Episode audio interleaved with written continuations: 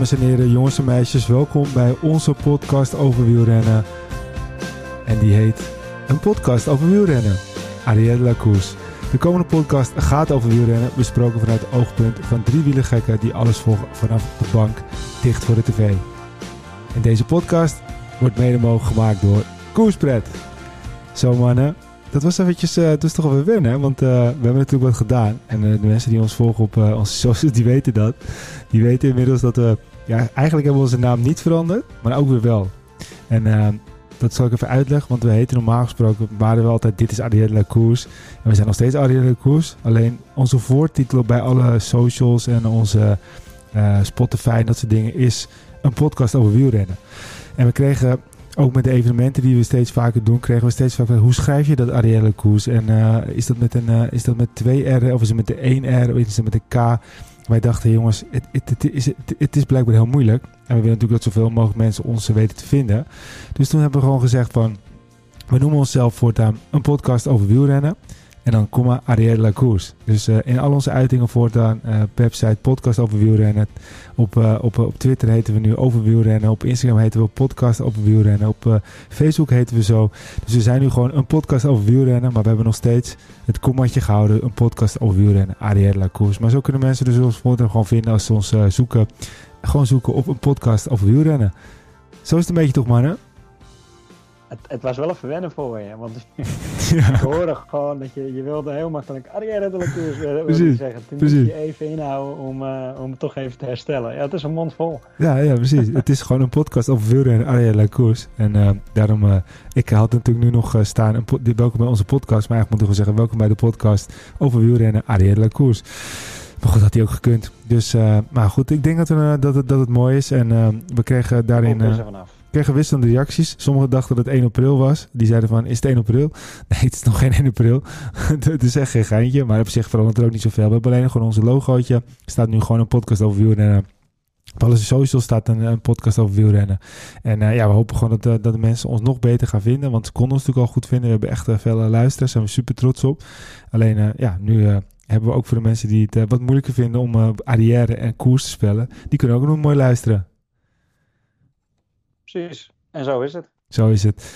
Goed, hey mannen, uh, twee weken geleden. Uh, we hebben nu, uh, we hebben inmiddels ook wel besproken met elkaar dat we elke twee weken een keertje minimaal gaan zitten. Dus we gaan elke twee weken een, een podcast droppen.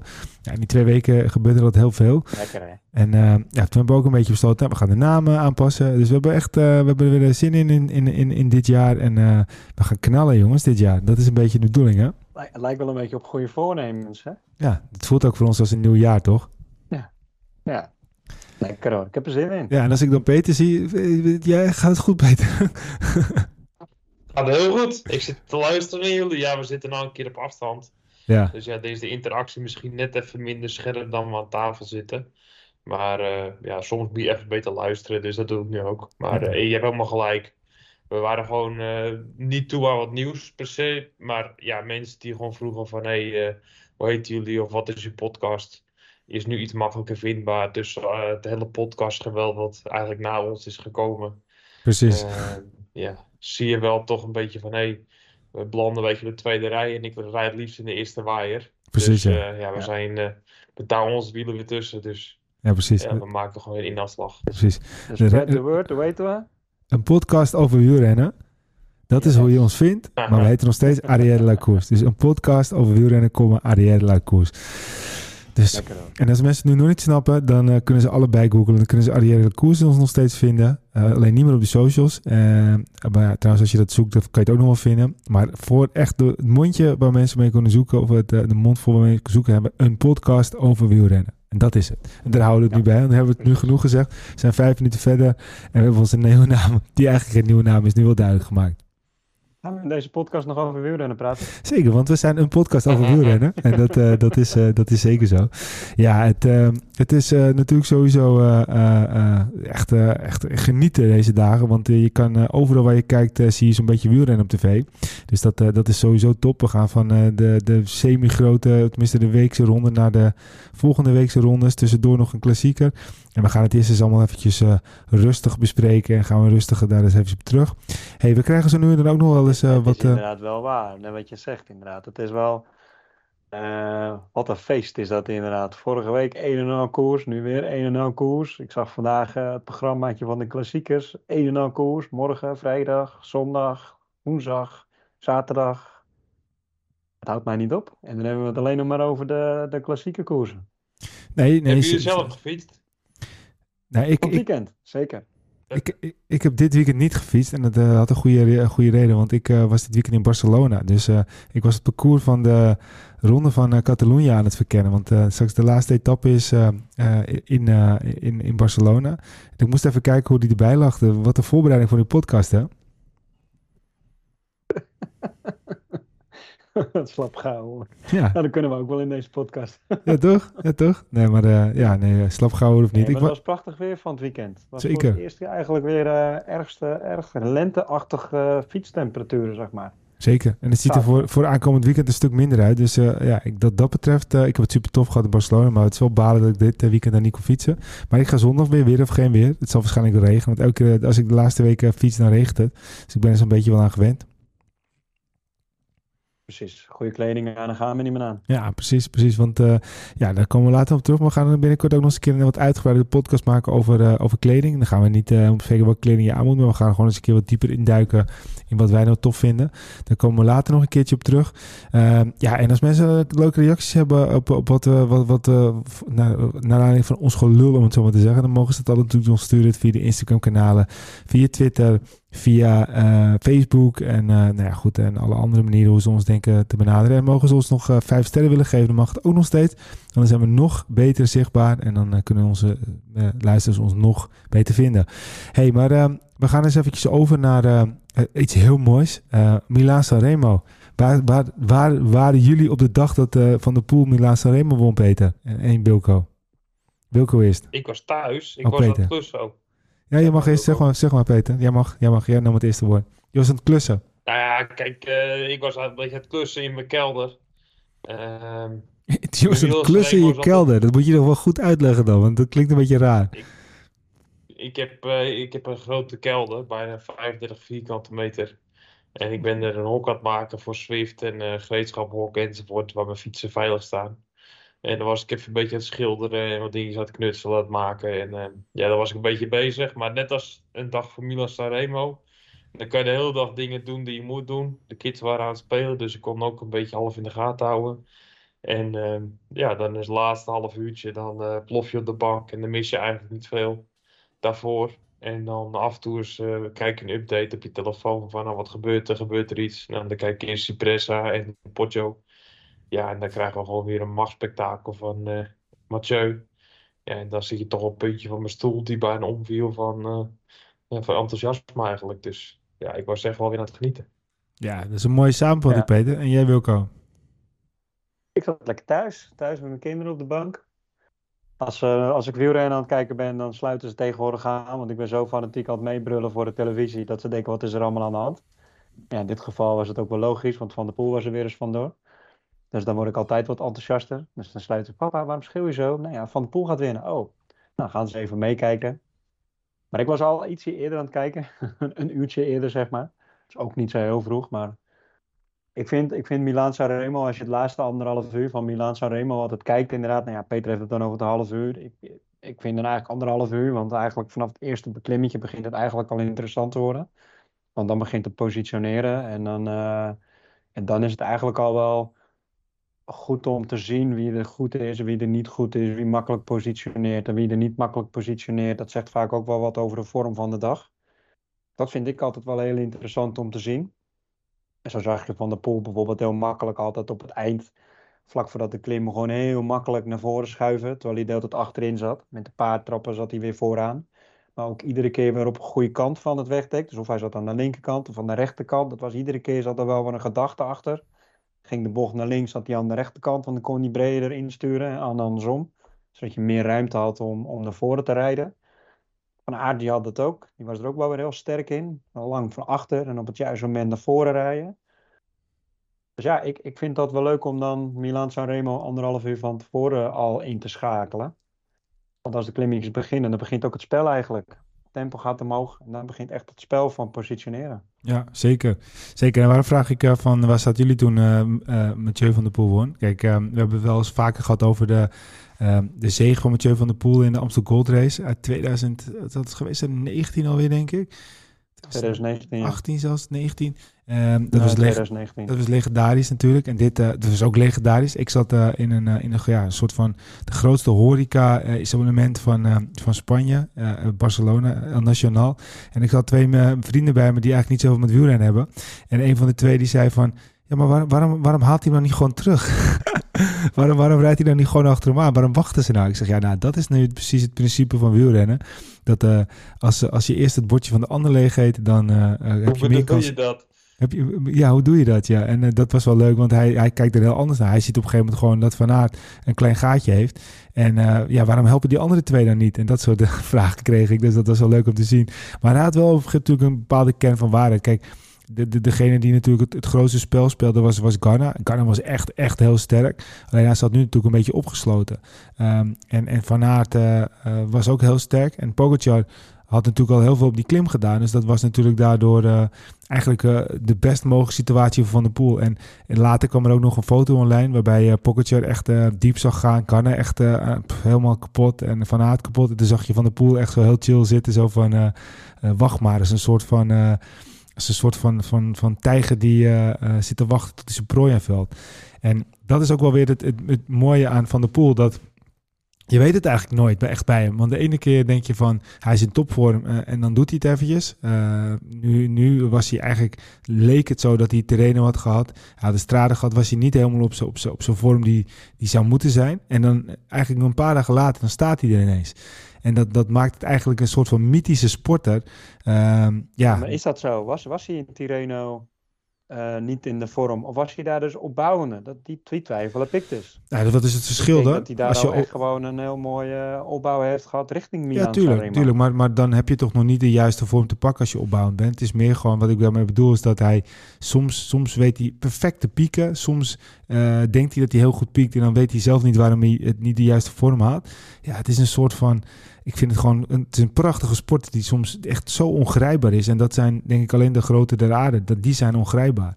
En ik denk dat Mathieu van der Poel echt een rijtje thuis hoort.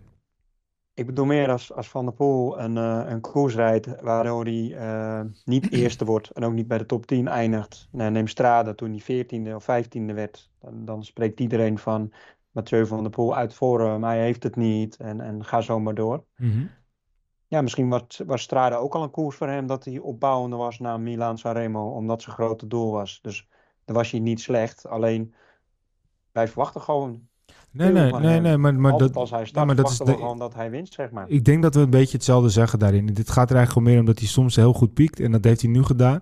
En soms piekt hij niet heel goed. En dan, dan wil hij bijvoorbeeld zoals vorig jaar in de Tour wil hij heel goed zijn. En dan blijkt het dat niet te lukken. Hij had nu ook wel een, uh, zijn vader, want we kunnen wel zeggen hij heeft goed gepiekt. Want dat heeft hij gedaan. Maar zijn vader had ook wel een kleine twijfel. Hè? Want die zei ook in de aanloop van Milan Remo, als hij nu waarschijnlijk niet goed is in Milan Remo, dan is dit waarschijnlijk ook wel zijn laatste crossseizoen geweest. Um, en dus, dus er zit altijd wel een bepaalde twijfel in. En ik ben eigenlijk wel.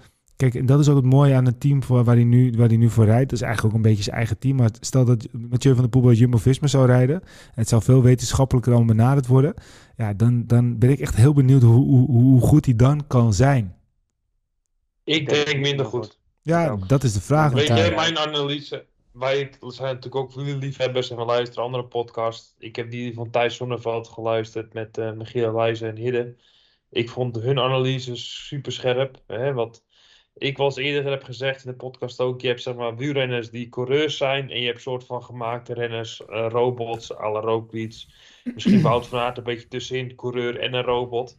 Maar als die van de berg afkomen bij Jumbo, dan kunnen ze gelijk winnen. Mathieu van der Poel is meer een coureur, meer een wielrenner in mijn ogen dan een gemaakte renner. Ja, zoveel die talent. Heeft, die heeft meer pieken en dalen in zijn vorm. Dus dat zeiden ze ook goed in de podcast bij In het Wiel.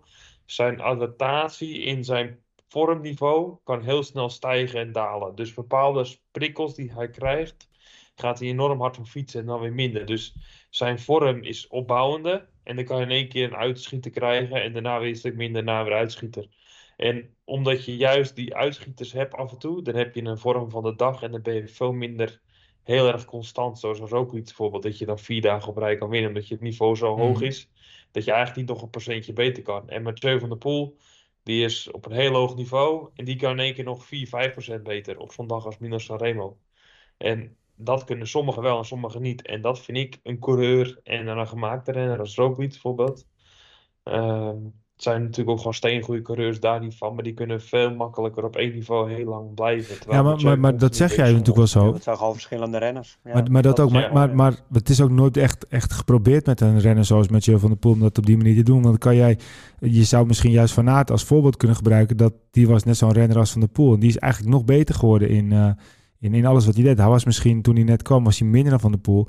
En hij is nu op veel facetten beter dan Van der Poel. Dus wat jij zegt is Nou, misschien... ik denk dat Mathieu, hè, als hij tegen Wout van Aert koerst, dat hij al 5% beter is. Ja, maar dat zit meer in het Ja, kopje ja, van Van. Aert, denk ik.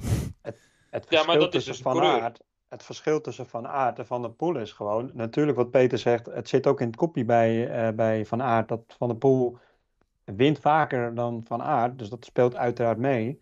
Ja, Maar Van Aert is gewoon de pure eh, hardrijder, die wil gewoon heel hard rijden en als hij los is, gaat hij echt vreselijk hard.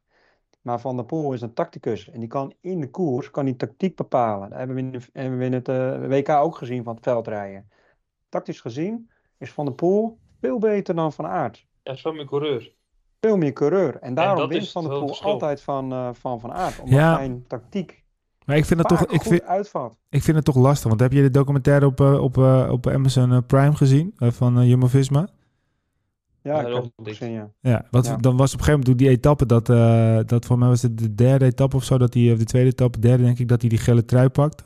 Vierde was het misschien wel, dat hij op het klimmetje, want in principe als jij zegt hoe, dat hij, dat hij veel meer eh, eh, eh, gestuurd wordt en bedacht is wat hij doet, dan wacht hij daar op Vingegaard en dan eh, gaan ze samen verder en dan nemen ze daar afstand op Pogacar. Maar hij gaat juist op gevoel en op een gegeven moment gaat hij in zijn eentje verder. Dus ik vind, ik vind het lastig. Ik vind Ja, maar sowieso... dat zeg jij goed, maar dat is, dat is precies wat wij zeggen. Hij, hij doet het wel op gevoel, maar het is een pure hardrijder. Dus hij gaat daar Ja. puur op het vermogen hard rijden naar de finish. Ja, maar wat, wat had Van der Poel daar anders tweeën, gedaan dan?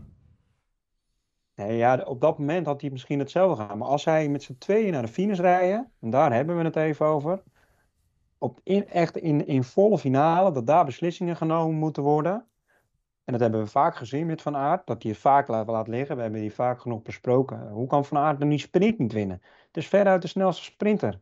Omdat hij net weer een verkeerde keuze heeft gemaakt. Omdat hij tactisch eh, gewoon niet goed... Hij is wel goed. Het is een, een, een, uitmuntende coureur. Maar hij heeft niet diezelfde tactische kwaliteiten als Van der Poel. Die wel in volle finale die keuzes kan maken. Die tactische keuzes kan maken. En Ja. dat is het verschil tussen die twee. Ja, ik vind het wel een straffe uitspraak hoor. Ik ik ben het echt, echt absoluut niet met je eens. Maar eh, dat mag natuurlijk, daar zijn we voor. Daarom zijn we het ook vaak niet eens, Wilco. Ik, ik vind, ik vind dat, dat, dat van de pool, eh, dat, dat wordt dus ook gezegd. En daarom ik ben blij dat we nu deze de discussie volgen. Want dat is juist wat er gezegd Ik vraag me dat echt af over Van de Poel. Of hij, eh, niet, niet, niet, of hij minder zou zijn bij een ploeg als Jumbo-Visma. Ik denk juist dat het, het is heel grillig en soms is hij heel goed. Maar misschien kan het, had het nog wel, kan het nog wel veel beter zijn. En, en daar, ik ben er wel gewoon eens benieuwd naar. En bij Van, bij van Aert zie je bijvoorbeeld ook in zo'n Tour de France... eh, dat hij gewoon zo'n gigantisch hoog niveau haalt. Alleen wat zijn eh, m- ja, uh, makken is, is misschien juist dat hij het hele jaar door goed wil zijn. En dat, dan zie je dus dat hij nu eigenlijk al... Je zal ook zien dat zijn topniveau weer in de Tour de France ligt. En niet nu. Ja. En dan wordt het verdomd moeilijk om ook een Parijs-Roubaix te winnen. Ook al hoop ik wel dat hij hem wint hoor, dit jaar. Dat gun ik hem echt. Kijk, Nou, ik, ik zal het zo een beetje weer uit te leggen. Stel je voor, je hebt een coureur als Mathieu en Wout. Die gaan opbouwen, de ene in de winter, ga je het niveau beetje, continu een beetje beter maken. En op een gegeven moment heb je een lijn, dat is 100% van je kunnen. Nou, Wout van Aert, die gaat naar die 100%. En die zal op een slechte dag 99% zijn. En op een goede dag 100%. Wout van, Mathieu van der Poel, die heeft ook die 100% eh, vorm. Maar die heeft op een slechte dag is hij 95% of 94%. En niet dat hij niet harder kan, maar dat zit in zijn kopie van ah, ik ben niet helemaal top, uh, ik kan even net niet, uh, laat me gaan of ik, ik, doe een rare actie of wat dan ook. Maar op een goede dag is Mathieu niet 100%, maar 102% of 103%. Als hij tegen, als hij 99% is en Wout van Aert aan de start en die wil hij kloppen, dan is hij in één keer 102%. Omdat hij dan moraal, technisch, dan wil hij hem gewoon kloppen. Terwijl Wout van Aert dan continu eigenlijk op hetzelfde niveau blijft. Dus het is een ander soort renner. En dat is een beetje het grote verschil. Ik vraag me ook af, uh, ik volg Michiel wel in de zin van, dat ik me ook afvraag hoe Mathieu van der Poel zal zijn in een team van Jumbo. Want qua structuur, qua voeding, qua trainers. Uh, je ziet het aan alle renners in Jumbo. Zal hij echt wel een sprong kunnen maken. Ik vraag me alleen sterk af of een, een ploegenstructuur als Jumbo past bij Van der Poel. Van der Poel is namelijk wel een renner. Hij rijdt omdat hij lol heeft in het fietsen. En hij doet waar hij zin in heeft. Dus wil hij morgen mountainbiken, gaat hij mountainbiken. Gaat hij morgen op de weg rijden, dan gaat hij op de weg rijden. Past dat bij een ploeg als een, eh, een Jumbo-Visma? En daarnaast, van, ik vraag me af of Van der Poel echt een teamplayer is. Kijk, bij Alpecin draait het op Van der Poel. Waar er gereden wordt, is Van der Poel de man. Af en toe is Philips uh, er tussendoor. Maar dat komt Van der Poel dan mooi uit, want dan kan hij het sprintje aantrekken. Kan hij even zijn wattage even, even testen. Dus het is ook weer in eigen belang hè, op dat moment. Kan hij even peilen, waar sta ik? Ik vraag me af of Van der Poel gedijt in een ploeg waar het niet alleen om hem gaat. Dat hij echt in ploegbelang moet rijden. Dus in teambelang. Ik, ik denk dat hij wel uh, teambelang heeft. Ik denk juist bij die jongens op pad en een beetje uh, maten onderling. Als Surre Andersen in een grote koers straks wegrijdt. Uit een kopgroep van zes man bijvoorbeeld. En die rijdt alleen weg. Dan gaat Mathieu hem echt niet dicht halen. Laat hij hem gewoon lekker winnen. Ja, maar dat zag je, toch ook juist in de terrein. Uh, jij moet die serie al in echt even kijken. Want daar zit een, Michiel die kent hem. Dat, Op een gegeven moment is er een scène. Marijn Zeeman zit aan tafel met uh, Christian Niemann en met Roglic. En daarin wordt Vingegaard besproken. Tijdens de Tour. We gaan met twee kopmannen rijden. Het kan gebeuren, meneer Roglic, dat Vingegaard beter is. Dan gaan we in het teambelang denken, want we, we rijden als team. Ga jij voor Vingegaard rijden? Dat is hoe we erin staan. Roglic zegt, uiteraard, tuurlijk, we gaan als team rijden. En dat heeft hij ook gedaan, dat heeft hij bewezen. Ik vraag me oprecht af, als Mathieu op die stoel had gezeten van Roglic... en Marijn Zeeman, die zegt tegen Mathieu van de Poel... we gaan rijden. Maar als Krak Anderson beter is, dan gaan we voor Krak rijden. Ik vraag me serieus af. En ik denk, tuurlijk dat hij, dat het kan, maar ik vraag me wel af of hij de renner is die dat op dat moment kan accepteren. In de koers kan hij die beslissing maken, maar of hij voor de koers dat ook kan accepteren dat die situatie zich voordoet. Want hij is namelijk wel een renner die altijd uitgaat dat hij de allerbeste is. Nou, dan gaan we weer terug naar het verhaal van wat ik net vertelde. Mathieu is een coureur. En Wout van Aert en Roglic zijn gemaakte renners. Dus die moet je in zo'n gesprek benaderen, moet je het overleggen. Mathieu van der Poel, die zit in koers en die is met zes man weg en zit met z'n tweeën erbij. Dan gaat hij bedenken, oh uh, Soren, als jij nu even aanvalt, dan kan ik Precies. er overheen klappen. Ja, maar dus dat is ook wat ik bedoel. Zo'n plan niet eens doen. Dus hij is een coureur. Hij beslist op een moment waar hij denkt dat het goed is. Als hij aanvalt op een plek waar hij eigenlijk niet aan kan vallen, valt hij nog aan. En dat is niet doordacht, want dat hebben ze nooit in zijn oortje verteld. Ja, maar dat, sluit aan wat je zegt. Dus dat, dat, dan is de vraag inderdaad, past hij in de ploeg als Jumbo-Visma of zal hij beter in de Alpecin? Dan is Alpecin een betere ploeg, want bij Jumbo moet hij voor de koers die beslissingen al maken, zeg maar. Ja, maar ik denk, dat, ik denk dat, dat jij echt onderschat wat voor teamplayer hij is. Uh, heb je de Tirreno gezien, uh, wat voor sprintje bijvoorbeeld, uh, wat een lead-out die doet voor, voor, voor, voor de Philipsen? Zie je, kijk, hoe, kijk hoe blij die dan is als hij over de streep komt. Hij is bijna blijer dan, dan Philipsen zelf, hè? En, en uh, ik, denk juist dat, ik denk juist dat Van der Poel, op het moment als, als iemand tegen hem zegt van... vandaag rijden we voor die, dat het juist de renner is die dat, die dat accepteert. Omdat hij juist ook weet dat ze altijd maar voor hem rijden en altijd maar goed, het is, hij is nog nooit in die situatie geweest, want hij zit in een ploeg waar je dat niet hebt. Krak Andersen gaat echt niet uh, uh, vooraf al beter zijn dan Van de Poel. Het gaat pas in de, in de koers zelf beslist worden dat op een gegeven moment Van de Poel misschien zegt ik heb geen goede benen. Dat, dat ze dan voor kracht gaan. En buiten dat, Kracht mag verdomme wel eens best gaan doen. Want ik heb mijn bingo lijstje staan en hij moet nog een keer de top 3 pakken. Anders kom ik nooit ergens. Dus niet over Krak Andersen beginnen Wilco om, om, het, uh, om het af te sluiten, weet je, hoe tof is het dat Van de Poel van een andere ploeg rijdt? Ik bedoel, Zeker. kijk, als die twee, Slove als die twee Slovenen een slechte dag hebben, want anders winnen ze alles, dan hebben we altijd nog een Nederlandse ploeg die wint. Of hebben we Mathieu van de Poel die wint. Tuurlijk. Nou, hoe lekker is dat? Tuurlijk, tuurlijk. Nee, maar even achteraf, achteraf praten altijd makkelijk, hè. Op het moment dat Van de Poel ging en hij had een gat van 25, 30 meter, wat dachten jullie toen? Ik zei gelijk, ik zei gelijk na één seconde al, die is weg, die zien ze niet meer terug. Want dat zijn drie hardrijden en die gaan in eerste instantie proberen. Maar hoe dichter je bij komt, hoe meer je naar elkaar gaat kijken, zoals het altijd gaat in de koers. Ja, ik wist gelijk, die is weg. Weet je, weet je, en dat dacht... kwam ook door die klim daarvoor. Wacht even. Dat kwam ook door die klim daarvoor. Toen liet hij al zien hoe goed hij was en hoe makkelijk hij uh, voor, het, uh, voor het peloton uitreed. En hij had overschot. Ik, ik, ik, had, ik, ik, voor mijn gevoel was dat gelijk beslist. Ik had, ik, had, ik had wel het gevoel dat het er goed uitzag, maar ik was echt doodsbang voor die afdaling. Ik dacht echt van jongens, jongens, wat gaat er toch allemaal gebeuren nu, weet je wel. Want uh, met, met, met Van der Poel en dan Karna, Pogacar en Van Aert met z'n vieren die afdaling in. Ik denk dat wordt echt gewoon uh, stoelriemen vast en, uh, en, en billen bij elkaar geknepen. En uiteindelijk zag je dat Van Aert, het, het ging er eigenlijk gewoon om Van Aert natuurlijk. Als Van Aert op een gegeven moment dat kleine gaatje dicht had kunnen rijden. Uh, wat leek, dat was op een gegeven moment volgens mij 5, 6 meter. Uh, alleen hij kon net niet die laatste uh, die, die touch geven. Toen dacht Van Aert ook waarschijnlijk, ja, ik kan nu wel elke volle bak achter hem aan blijven rijden. Maar dan verlies ik straks omdat ik kapot ben en dan, dan demoreren ze uit mijn wiel vandaan. Ja. ik had ook zoiets, ik had ook gelijk van die blijft weg. En ook een beetje uit eigen ervaringen natuurlijk, hè. Maar ik zat eerst op de forum, niet kijken wat vier renners die wegrijden. Er rijden drie renners die gewoon op podium kunnen rijden op een wereldkampioenschap tijdrijden. Pogacar, Wout van Aert en Garner, dat zijn de drie beste tijdrijders. Met Roglic in mijn ogen van het hele peloton. Ja, zelfs Van de eh, Poel zou het kunnen, hè, op een goede dag. Ja, maar op papier, dan staat hij niet bij de beste drie. Dan staan ze alle drie voor hem.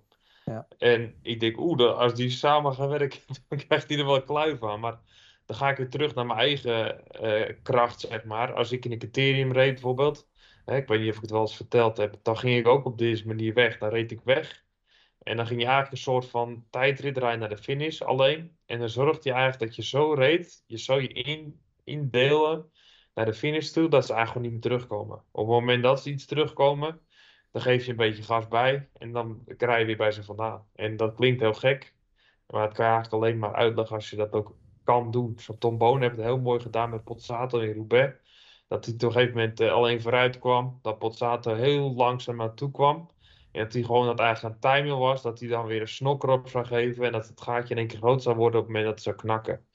Van de Poel zag gewoon er zo sterk uit. Was zoveel beter dan die andere drie die op afgelopen weekend. Dat hij eigenlijk gewoon een beetje soort van spelen was. Hij rijdt rustig die afdaling in. En dan keek ik een keertje om van oh, ik hoef niet meer om te kijken. Ik zie wel dat ze de kloten gaan. En uh, ik rijd rustig naar de finish toe. En in zijn oortje wordt hij goed gecoacht. Op het moment dat hij iets harder moest gaan rijden, ging hij iets harder rijden. En eigenlijk was het appeltje eitje. afdaling deed hij ook uh, niet volle bakken. Dat zei hij achteraf ook. Heeft ja, dat, dat, dat kon je niet dat kon je niet goed zien natuurlijk. Nee, want dat is dat achteraf, achteraf we dat, ja. Maar um, je kon wel zien dat hij gewoon heel goed alles onder controle had. Goede bochten, goede lijnen. Ja. Bleef rustig. Keek eigenlijk niet om of op. Hij ook hoe hij op de fiets zat, hè? Heb je daar ook op gelet, hoe hij die afdaling heeft gedaan? Hij ging gewoon gas, het was dat een blok. Ja, maar dat hij, op het moment dat hij remde, ging hij uit zijn zadel en dan gooide hij zijn reet helemaal naar achter. Dus in plaats dat hij op zijn fiets bleef zitten, wat je vaak ziet, ging hij staan, ging hij zijn reet naar achter gooien. En op die manier ging hij hem de bocht in gooien. Een soort van, toch een andere houding, zeg maar. Vond ik wel grappig om te zien. Ja, zie, je, houding. zie je dit jaar geen, geen dropper? Uh, dat was vorig jaar natuurlijk met de Moritz uh, het verhaal.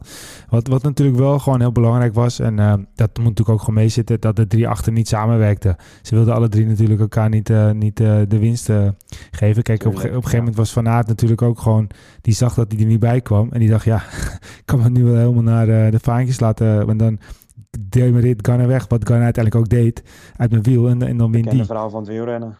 Ja, en Pocketje was natuurlijk gewoon helemaal naar de kloten. Die was op die, die klim al ingegaan. Die, die, kon, die kon, was blij dat die kon volgen. Ja, die was niet in orde meer. Nee.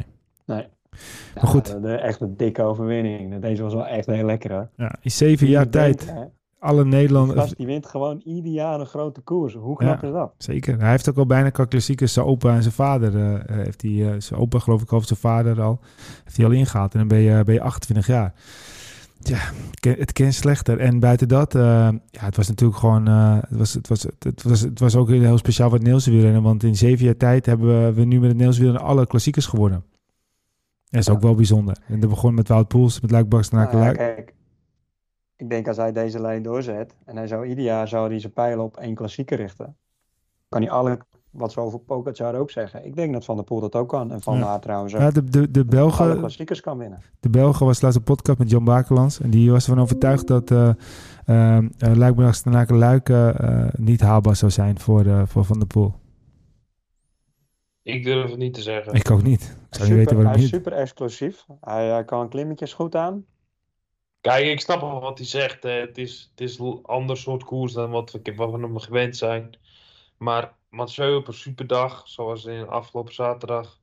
Die, uh, en de koers verloopt zoals bij hem is een goede voordeel is, dan gaat hij gewoon mee kunnen. Kijk op waar het doet, als ze dat gewoon een paar keer achter elkaar van boven naar beneden, uh, van beneden naar boven vol gas gaan, dan gaat hij misschien moeten passen of een keer breken, maar dan kan hij een keer terugkomen nog in de afdaling daarna. Ja, het moet wel een beetje op zijn hand komen, maar ja, ik, zie niet, uh, ik zie niet dat hij daar niet kan winnen. Ik denk het wel. Ja, ik denk het ook. Ik denk ook dat hij daar zelf zou kunnen... Het zal de moeilijkste zijn van de vijf. Maar uh, hij kan het zeker. Ja. ja, dat denk ik ook. Nou, in deze vorm uh, Roubaix, Vlaanderen. Samen met Pogacar van Aert. ja, maar misschien is Lombardije nog wel zwaarder, eerlijk gezegd, dan, uh, dan lijkt Luik op sommige plekken. Dat denk ik ook. Ja, dat is wel echt de klimkoers. Dat is wel anders, maar... Ja, ik, ik denk dat hij ze allemaal kan. En uh, niet allemaal in één keer, maar ja, ieder jaar zou hij er echt wel... Hij heeft er in ieder geval twee. Ik denk dat Roubaix lastig gaat zijn voor hem. Ja, nou ja, ik ja. ja. En niet omdat hij niet kan, maar omdat er dus Roubaix is ook wel een stukje geluk. Ze weten dat, dat, dat de jongens het beste zijn, veel kans hebben. Dus dan gaat weer een keer de kopgroep weg. En er gebeurt dit weer en dan valt er weer eentje voor hem. En ja, de jaren gaan tikken, weet je wel, zoiets. Dat gewoon, dat, dat zijn koers wordt die, die uh, net als Roglic de Tour de France. Ja, of Van Aert, uh, Van Aert heeft Roubaix niet gewonnen natuurlijk. Dus ja, eh, het zal allemaal heel goed kunnen leggen. En ik kan zomaar verbazen dit jaar natuurlijk. Maar het kan zomaar zijn dat als we naar zijn carrière kijken, dat hij die nooit gewonnen heeft, dat hij daar de pest over in heeft. Ja. Van Aert heeft nog geen dikke vis, dus die kansen zitten best in hoor, dat Van Aert uh, een van die twee gaat winnen. Vlaanderen of Roubaix. Ja, zeker, zeker. We wachten het af. Hey, dan eventjes nog uh, naar, de, naar de Catalunya, Catalonië. Nu twee etappes geweest. Ehm, twee keer eigenlijk dezelfde drie renners vooraan. Uh, Roglic die dan uh, de eerste etappe wint voor Evenepoel. Sicone wordt dan uiteindelijk vierde. Daar staat ieder Schelling nog tussen uit mijn hoofd. En vandaag uh, nou ja, was het Sicone, Roglic, Evenepoel. Um, Evenepoel reed allemaal records aan, aan stront, om het zo maar te zeggen, tijdens zijn hoogste stage. Hij is goed, maar op zo'n klimmetje die vandaag erin zat, dan verwacht ik eerlijk gezegd, had ik wel verwacht dat hij ze eraf zou rijden. Maar Roglic is, is, is, is sterk, maar, maar Sicone is ook echt heel sterk, hè? Ja, dat is sowieso al een heel goed seizoen, Sicone. Hij is goed gestart. Ja, hij had vorige... echt, wel een, uh, echt wel een grote stap gemaakt uh, voorwaarts. Ja, vorig had hij wat last van, uh, van ja, de corona ja, besmetting die hij had gehad. En hij lijkt er nu wel wat meer door te komen. En dat is, ja, het is wel, wel, wel bijzonder om te zien. Ik ben echt benieuwd ja. of hij dat echt ook in het Giro kan doortrekken. Ja, tijd zal het leren inderdaad. Maar wat hij nu laat zien is wel echt, echt heel sterk. Maar ik verbaas me vooral over, uh, over Roglic. Zeker. Als je ziet waar hij vandaan komt. Zo hard gevallen weer in de Vuelta. Echt een lange weg gehad op revalidatie. Hij komt ook van die berg af. Hij wint gewoon al vijf keer. Acht koersdagen. Vijf keer winnen. Ja. Gisteren misschien met wat geluk. Ja, maar zo'n Roglic is, is een op en top gemaakte renner. Die is zo verschrikkelijk hard voor zichzelf in training. Ja. Ik denk dat hij misschien harder rijdt in training dan hij in deze wedstrijd doet, bij wijze van behalve de finale klim. Maar uh, hij zit alles waarschijnlijk zo op zijn gemak en dan aan het einde moet hij even zichzelf uit elkaar trekken. En uh, dan wint hij gewoon weer, weet je wel. Dus ik, en hij ik, pakt zoveel uh, lol in het fietsen, hè? Dat is ook tekenend voor hem. Dat zie je ook in die serie, die afsluiting. Ja, ik vond dat echt geniaal. Hebben we um, de Giro al gewonnen? Nee? Oh, dan win ik die volgend jaar. Ja, dat, dat, zei hij, dat zei hij niet zo. Hij zei inderdaad, maar hij zei nog van, uh, uh, hebben we die al een keer gewonnen? En toen zei hij zo van, oké, oké, oké. maar ja, goed. Het zou wel vet zijn als hij weer, maar... maar weet je, ik, ik zat laatst, ik, ik hoorde het ergens, ik denk in een Engelse podcast, dat eigenlijk Jumbo heel veel te danken heeft aan Primoz Roglic. Ja, natuurlijk. En andersom. Tuurlijk ik denk zeker dat hij een van die renners is. Dat dat uh, de, een van de grootste pilaren binnen het team. Hem, Zeeman en de staf en de kadering, de sponsors. Ja, maar ze zijn ook met, met hem meegelift natuurlijk. Want hij was op een gegeven moment in die Tour de France van 2000... Uh, eh, denk, wat was het? 2018, toen Tom Dumoulin tweede werd. Toen werd hij, uh, won hij ook een etappe. En toen werd hij uiteindelijk volgens mij ook al top 10 in het klassement. Uh, weet ik even niet precies mijn hoofd. Vijfde, was dat die of was het 2017? Een van de twee. 2017 won hij ook al een etappe. Ja, in 2017 won hij ook al een etappe. Dus die, toen, wat, wat, dat waren de opkomende jaren van Jumbo-Visma. Misschien was het zelfs nog Lotto toen. En ja, toen, toen heeft hij ze natuurlijk zo, zo, zoveel gegeven al. En hij won toen al bizar veel. Dat op een gegeven moment ook sponsors dachten, hey, dit is wel interessant. Dus, dus dat, dat is zeker waar. Dat. En, en aan de andere kant, zo'n Marijn Zeeman heeft hem ook natuurlijk gewoon gigantisch goed gemaakt. Als je gewoon Marijn Zeeman, ik zag laatst, die is pas 42 of zo, 44 pas, hè? Je hebt gewoon ja. koers, hè? Ja, maar ik bedoel meer te zeggen, die is echt jong, hoor. Als je dan ziet dat hij dus uh, iets van 7, 38 was, dat hij dus uh, daar naar Jumbo-Visma, of tenminste toen het uh, was Belkum, dat hij daar kwam. En dat het toen allemaal in puin op lag. En in die jaren heeft hij het helemaal opgezet. Ik vind het knap en echt, echt respect voor. Ja, Roglic, Jumbo, Marijn, het is gewoon een, uh, een gigantisch goed huwelijk. Kijk, uh, Roglic die heeft natuurlijk Jumbo naar een uh, hoger niveau gebracht. Laat dat duidelijk zijn. daar heeft Jumbo veel aan te danken. Anderzijds het stukje scouting van Pluggen en Zeeman. En daar begint het mee. Het was Jury IJs, toch, van uh, Willeflits, die hem had ontdekt had? Ja, ja, die moeten we niet vergeten inderdaad. Ja, precies, ja. Nee, maar goed, ze geven die jongen wel op platform. Ze nemen hem wel aan, ze nemen wel die gok. Ja, daar begint het eigenlijk mee. Hè? Dus het is gewoon een, eh, een gezamenlijk, gewoon een heel goed huwelijk. Ja. Roglic die moet ook nooit naar een andere ploeg gaan. Dat zou ik, uh, als ik Roglic zou zijn, ook echt niet doen. Nee, nee dat, dat, dat, zou, uh, dat zou doodzonde zijn. Want als hij dat gaat doen, dan... ja, dat, ja, dat lijkt me geen goed idee. Trouwens, Marijn Zeeman, ben ik ook benieuwd hoe lang ze die nog kunnen behouden. Die werd genoemd als algemeen directeur bij FC Twente. En hij heeft daar de, oh, bedankt. Ja, hij heeft bedankt daarvoor. Maar uh, ja, ze hebben hem wel, uh, ja, ze hebben hem wel natuurlijk gewoon uh, in het snootje, om het zo te zeggen. En het zou ook niet zo gekke zijn. Zo... is nog een goeie. Ja, nou ja, kijk, als je bijvoorbeeld bij AZ ziet, zit Robert Eenhoorn. Dat is natuurlijk een oude honkballer. Ton Gerbrands was een oud volleyballer. dus waarom zou niet Marijn Zeeman daar kunnen zitten als, als lijn, lijnen uitzetter? dus dat is, dat is interessant. Het zou misschien eerder nog heel tof zijn als Jumbo-Visma op een gegeven moment zegt van... ja, we gaan onze, onze um, takken wat uitbreiden en uh, we doen nog een voetbalclubje erbij. Dat gaat niet gebeuren. Nee, natuurlijk niet, maar het zou wel lachen zijn. Nou ja, kijk. Kijk, Marijn is helemaal niet, gaat nu nog niet weg. Want ik, ik weet het niet hoe dat erin zit. Maar het lijkt mij wel een man met, uh, die zijn doelen nog niet heeft gehaald. Dus zolang hij zijn doelen nog niet allemaal heeft gehaald, dan gaat hij daar nog niet weg. Ja, wat moet hij halen dan?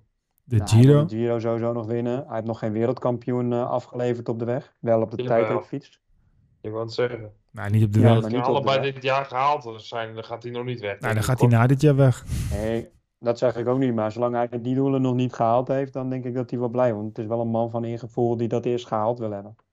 Ja, daarnaast het project Jumbo is op dit moment te tof om, uh, om te verlaten volgens mij. Ja, ja, dat lijkt me ook. Dat lijkt me niet... Uh, er is op dit moment één sportploeg, sportploeg in Nederland waar iedereen wil werken. En dat is Jumbo-Visma, denk ik. Precies. Ja. Dus dan ga je niet weg. Nee. Maar ja, goed, je weet het wel eens niet. Nee, je weet het zeker niet. Je weet het zeker niet.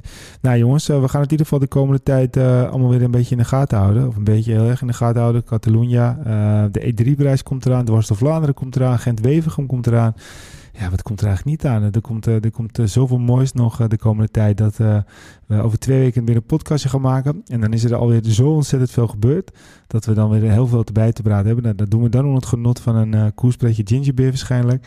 En dat doen we dan weer tussen de trouwjurken. En uh, voor nu uh, denk ik dat we weer eventjes lekker hebben bijgepraat. Peter, laatste woord. Zo, zo voorspelling doen voor een van de koersen. Ja, zeg maar welke. Okay. Ja, maakt maar eens even uit. E3 nou, laten, we met morgen, laten we met morgen beginnen. In Catalunya. Morgen. Of bedoelt in, uh, in uh, de driedaags van de pannen, die niet meer de driedaags van de pannen heet. Jasper Philips. Jasper Philipsen? Peter? Ja, bingo kaart. Jacobsen. Zit die ook bij de bingo of niet? Hmm, weet ik niet, denk het niet. Oh, dus dat nee. is niet voor je bingo kaart, uh, Wilco, helaas. Philips, hè? Wel. Nee, maar laten we drie prijzen doen. Dat is toch leuker? Nee, maar die, die, die koers zit niet, hoort niet bij de bingo. Dat bedoel ik. Jawel hoor, de pannen zitten ook bij de bingo. Oh, die zitten wel. Dat weten we ook niet. Oké, ik zeg uh, Olaf Kooi. En dan doen we eens even kijken. De E3-prijs, dat is ook een mooie. Uh, Yves Lampaard. Bingo. Yves Lampaard? nee, ik, uh, ik, zie dat, uh, ik zie dat Van der Poel daar op de, op de en Van Aert, allebei op de... Ja joh, Van der Poel, Pogacar, Van Aert. Ja, zeg het maar. Alle Philippe. Oei. Ja, jezus. Ik stel voor dat, dat een van jullie Pogacar van Aert van de Poel doet. En ik ook. En dat we dus allemaal een ander nemen. Ja, is goed. Ik neem, uh, ik neem, van, ik neem van Aert. Oké, dan doe ik uh, Pogacar.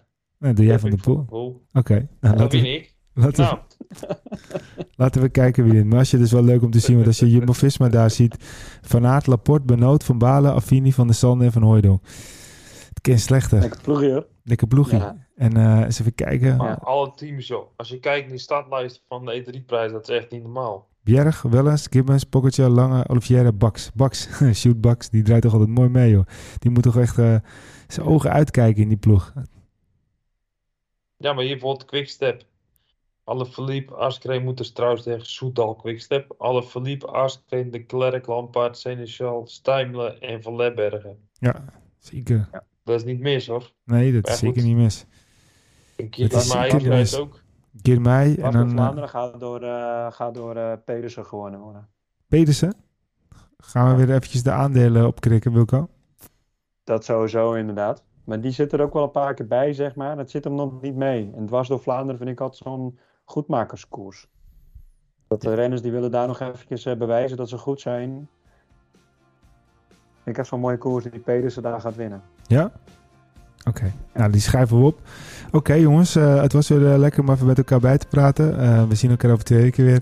Hoe heet we ook weer onze podcast, Wilco? Oeh, goeie. Weet Laat je de luisteraars dat maar invullen. Precies. nou goed, in ieder geval... Even, even Ronde van Vlaanderen. Daar komen we... Voor de Ronde van Vlaanderen hebben we nog geen podcast opgenomen. Daar moeten we ook even een voorspelling, voorspelling voor doen. Dat is de koers. Daar moeten we ook even een voorspelling voor doen. Van Aert. Laten we het op onze socials kanaal doen. Ja. Ik zeg Van Aert. Wie, wie gaat winnen? Ja. Oké. Okay. Ja, is goed. Laat mensen maar hun, uh, hun voorspelling achter. En uh, hebben we nog iets leuks om te verloten? Wij, wij woensdag zelf onze... Wij doen dan zondag onze voorspelling voor de Vlaanderen. Ja, laten we dat zo doen, ja. Ja, zondag doen wij onze voorspelling voor Vlaanderen, ja. Is goed. goed en allemaal, allemaal los van elkaar. Yes. Zeker. Oké. Okay. Weet je inmiddels al hoe de podcast heet, Wilco? Arrière de la. Oké, okay, nou, bedankt voor het luisteren. Volg ons op Facebook, www.facebook.com, podcast over wielrennen, Twitter over wielrennen, Instagram podcast over wielrennen. En ga ik wel eens kijken op onze website www.podcastoverwielrennen.nl Bedankt voor het luisteren naar deze podcast over wielrennen. Arrière de la course!